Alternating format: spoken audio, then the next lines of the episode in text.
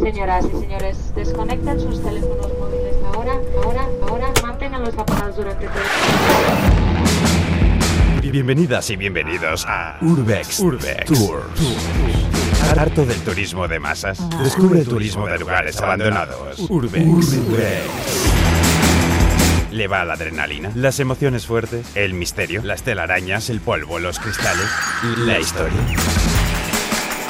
Urbex Tours con Miriam Duque e Inco Martín. Nosotros le damos las opciones. Su destino lo elige usted.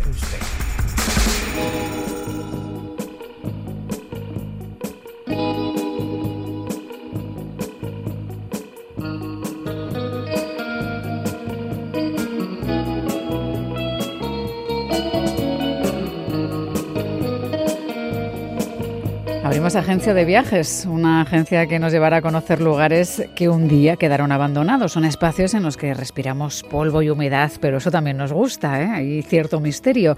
Es el Urbex al que nos acercamos gracias a nuestro guía Inco Martín. Inco, ¿qué tal? ¿Cómo estás? Muy buenas, Miriam. ¿Qué tal? Yo muy, bien, por aquí. Con ganas de viajar. ¿A dónde nos lleva hoy el Urbex? Hoy tenemos una oferta. Hoy vengo súper motivado. Hoy nos vamos a un mundo de diversión y desenfreno a tope.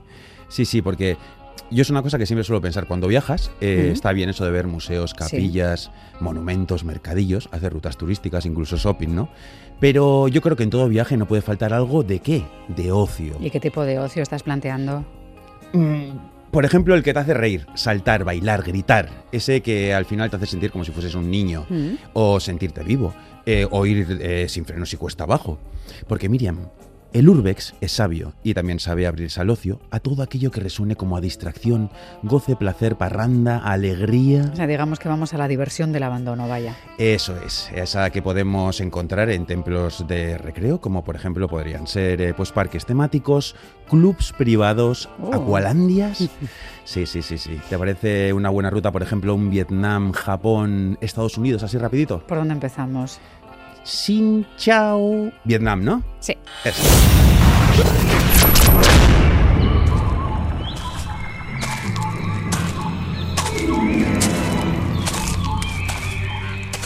Mucho mosquito por aquí, ¿no? Sí, pero hoy he sido previsor y me he traído un, repelente. Te voy a echar un poco. Pon el brazo. Bien. Ahí. mejor. La carita. La cara no. Es fresquito. sí, ya, pero por si acaso. Tú tranqui, que, que, los mosquitos aquí, cuidadito. Mucho, mucho problema con los mosquitos, sí. Veremos a ver. De todas maneras, piensa que lo de los mosquitos igual es lo que menos nos debería de preocupar. ¿Tú te has fijado en lo que tenemos justo ahí detrás? Sí, estaba esperando que me preguntaras por ese dragón gigante enroscado en una especie de cúpula, ¿no? Es que llama la atención, sí, sí, sí, sí. Se llama situado en medio de un, de un lago artificial enorme con tres pasarelas que lo cruzan para llegar hasta dónde, hasta, hasta el dragón. Es todo como muy de Juego de Tronos, ¿no? Estamos a unos 8 kilómetros de Hue, que es una ciudad situada en el centro de Vietnam, en un lugar que en su época dorada pues aparecía en todas las guías turísticas de esta zona de aquí, pero que a día de hoy solo aparece en un tipo de guías, que son las del Urbex. Pues la verdad es que no ha sido fácil encontrarlo. ¿eh? eh mm, sí. Lo que no sé exactamente qué lugar es este en el que nos encontramos, porque veo toboganes entre palmeras, pero eh, todavía no acabo de coger el concepto. es un, sí, sí. De todas maneras es un parque acuático de lo más diverso. Es y un sin parque... agua, que también pues Sí, bueno, agua, ya te contaré. Sí, sí, es el Ho Tui Tien, que es un megaproyecto que se inauguró en el año 2004 bajo un coste de ni más ni menos que 3 millones de eurazos. Y supongo que la estrella era este dragón que tenemos aquí, ¿no? Ni los toboganes, ni las, sí. sí. ni las piscinas estas que hay con olas por allá, ni espectáculos acuáticos que hacían, le hacían sombra a este dragón. Un dragón que ejercía pues una especie de atracción magnética, sobre todo aquel que llegaba al parque. Y no solo por su curradísimo aspecto, que está muy currado y por el tamaño que es enorme, sino por el secreto que guardaba en su interior. Un acuario. un acuario del tamaño del dragón. Enorme. Sí, sí, sí, igual de grande que el dragón. Tres pisos que serían como las entrañas, digamos, del dragón, que eran unas entrañas pues que a modo de tanques transparentes dejaban ver todo tipo de peces exóticos. Y lo mejor era la planta baja la cual pues se sumergía dentro de lo que es el lago y a través de sus cristaleras pues podías ver los habitantes del lago, que eran pues cositas como mantarrayas, tiburoncitos y sobre todo lo que más había eran cocodrilos, cocodriles. Ya, ya, ya, o sea que cuando mm. atravesaban las pasarelas para llegar hasta el dragón, a los lados había tiburones y cocodrilos. sí, tropezar te podía salir muy, muy caro. Sí. Tan caro también como era pues mantener este parque, como no. Eh, lo cual, unido a la escasez de visitantes, pensaban que iban a ir más gente, al final no venía tanta gente, pues hizo que la ruina fuese tan grande que el parque cerró a los pocos meses de abrirse. Después hubo varias iniciativas para resucitarlo, pero ninguna, ninguna llegó a buen Oye, veo, veo fantasmas porque me parece que he visto pasar por ahí un tipo con un carrito de refrescos y chocolatinas y estamos eh, en un sitio muy abandonado. No sé qué está pasando. Ves bien, ves bien, ves bien, ves bien. Sí, sí, no te ha hecho nada malo el, repelente en los ojos. Curiosamente, pues eh, este estado de abandono, este aspecto tan entre postapocalíptico y surrealista, por otro lado, pues puede que sea el que más haya triunfado turísticamente hablando. Hasta aquí, a día de hoy, se acerca mogollón de peña amante del urbex. Y hay lugareños que han sabido explotarlo, como no. Por ejemplo, el del carrito que acaba de pasar. Y nosotros, mira, hemos tenido bastante suerte y no nos, hemos, no nos los hemos encontrado. Pero suele haber una especie de guardianes a la entrada que te cobran la entrada así porque sí. Bueno, es un lugar que, merece que cobren eh, entrada para verlo, pero hombre, tanto como para que haya porteros, ¿no? Bueno, oye, a mí me parece mal, la verdad. O sea, yo prefiero pagar por turismo urbex que por pagar de turismo de explotación animal, por ejemplo. Pero, eh, aparte de guardianes y chicos del carrito, hay una leyenda que dice que aún quedan cocodrilos por aquí sueltos. Así que mejor que no nos metamos en ningún charco o piscina. Sí, bueno, el aspecto del agua de esta zona en concreto, no sé si cocodrilos, pero el pie no lo meto porque igual se nos cae, ¿no? Sí, es agua estancada, agua urbex, por cierto, mm, que es una nueva enseñanza del urbex. O sea, el urbex es más de, ciénaga, que de jacuzzi. Oye, ¿te apetece ir a Japón así? De pilla cerca, además, ¿no? arriba. Vaya.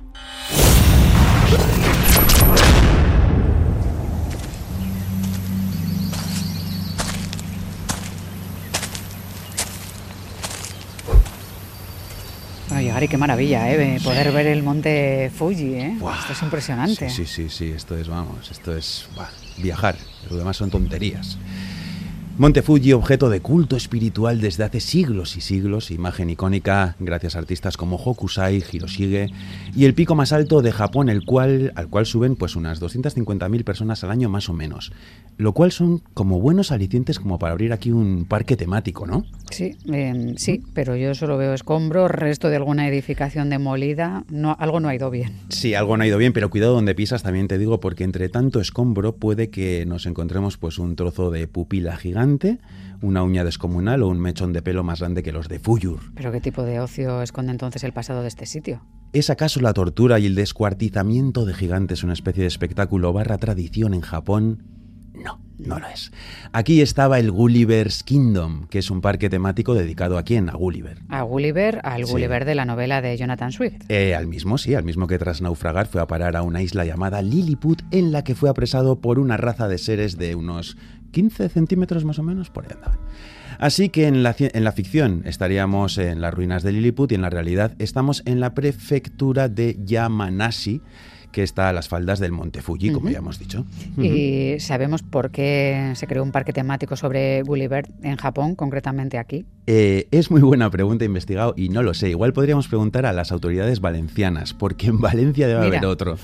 Fórmula 1, Papa, Parque de Gulliver, yo qué sé por qué.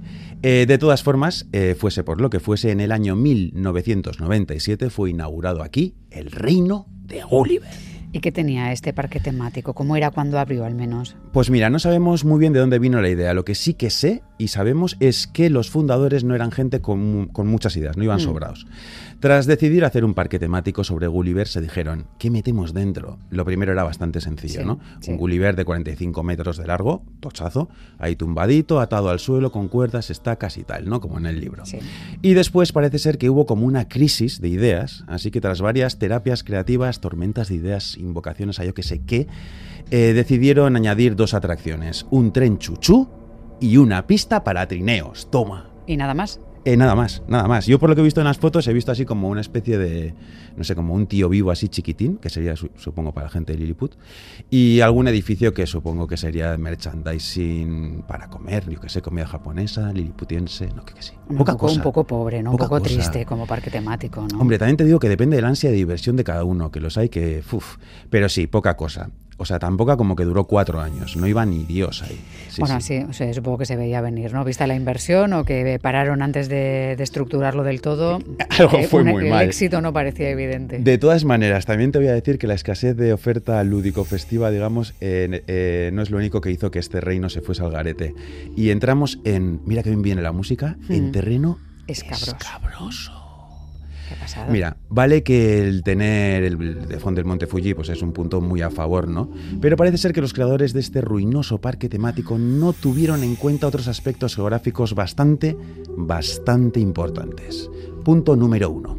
El parque está junto al bosque de Aokigahara, también llamado el bosque suicida, el segundo punto del planeta donde más suicidios se dan, después del Golden Gate en San Francisco pues eh, buen rollo no genera, ¿no? Está bien si no lo sabes, pero antes o después este tipo de cosas se acaban sabiendo. Sí, pues espérate que además el reino está justo junto a un pueblito que se llama Kamikuishiki. ¿Te suena de algo? ¿Kamikuishiki? Pues la verdad, la verdad verdadera es que no. No, si te digo Gasarin, el gasarín sí que me suena, pero no lo asocio a ningún lugar concreto, al menos con ese nombre de pues este pueblo que te he mencionado es donde estaba la sede de la secta Aum Shinrikyo, que fue la responsable del ataque con gasarín en el metro de Tokio en 1995. Ahora sí. 13 personas muertas, 1.100 heridas. Sí, ahora sí que ya me va encajando todo y desde luego no parece un buen lugar para la diversión o no parece tampoco el lugar eh, eso es, eh, ideas locas, más adecuado, ¿no? Lugares malditos, todo nos lleva al fracaso. Así que el reino pasó de ser reino de Gulliver a reino del Urbex. Los grafiteros tatuaron a Gulliver, la roña y la naturaleza se apoderaron de los edificios y en el 2007 se demolió prácticamente todo el reino. Así que solo quedan pues eso, algunos tesoros en forma de fragmentos de un mutilado Gulliver que tampoco es mal plan, oye, búsqueda del tesoro, ¿no? Hmm. ¿Te apetece viajar así como hacia Gulliver? Hombre, viajar siempre me parece un buen plan, ¿no? Pues mira, te voy a hacer una pregunta. ¿Tú sabes a dónde hay que llamar cuando tienes un problema? Pues me vas a decir que a Houston o, a nuestras respectivas madres. Seguramente en cuanto diga una cosa tú dirás la otra. Igual están en Houston, vete a saber. No, no, no creo. Bueno, no sé, la mía no. No, la mía creo que tampoco, pero oye, quién sabe. Texas, Houston.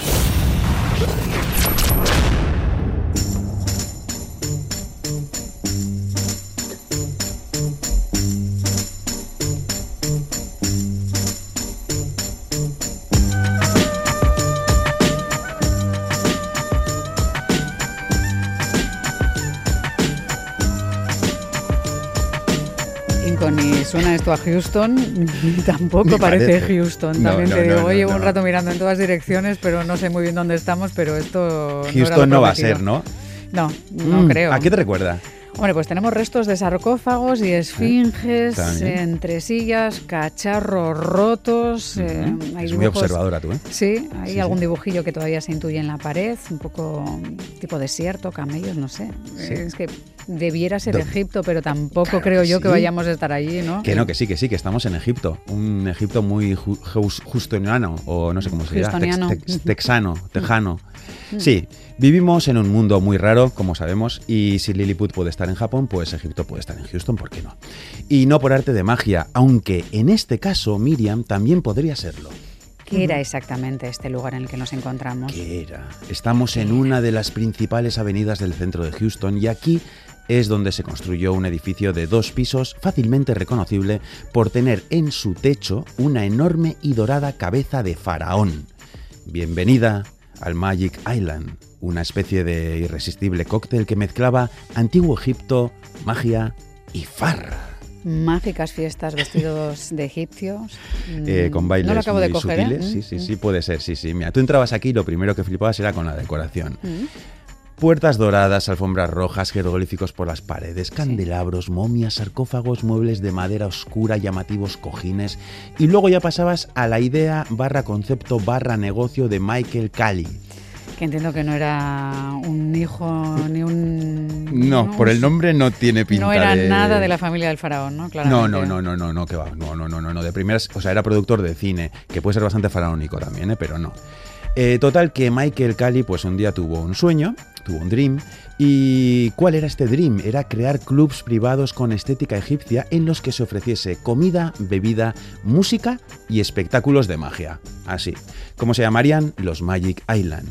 El primero lo abrió en 1980 en Newport Beach, en California, y dado el éxito, pues un empresario del petróleo de aquí, de Houston, le compró la idea y abrió este Magic Island. O sea, en que el consiguió ir ahora. haciendo franquicias, digamos. Eso ¿no? es, era Al su plan, era su plan. Lo que no sé si después de exportarlo consiguió que triunfara. Vistos los Pues resultados del lugar en el que estamos ahora, no sé. Aquí en Houston eh, se inauguró en 1983 y se hizo famoso a la velocidad del rayo. Así que eh, a los dos años pasó de ser privado, lo abrieron a todo el público y se convirtió pues en una especie de templo nocturno de la fauna de la noche de Houston. Eh, ¿Cuál fue el éxito del Magic Island? Te preguntarás. La comida, la bebida, la decoración, ninguna de ellas. Lo que se llevaba la palma eran los espectáculos de magia, a los cuales, investigando e investigando, solo he encontrado que se definen como espectáculos de magia desconcertantes. Como desconcertantes. Eh, pues no se sabe, he indagado, pero no he encontrado nada que nos pueda dar la mínima pista sobre el significado oculto de espectáculos de magia desconcertantes.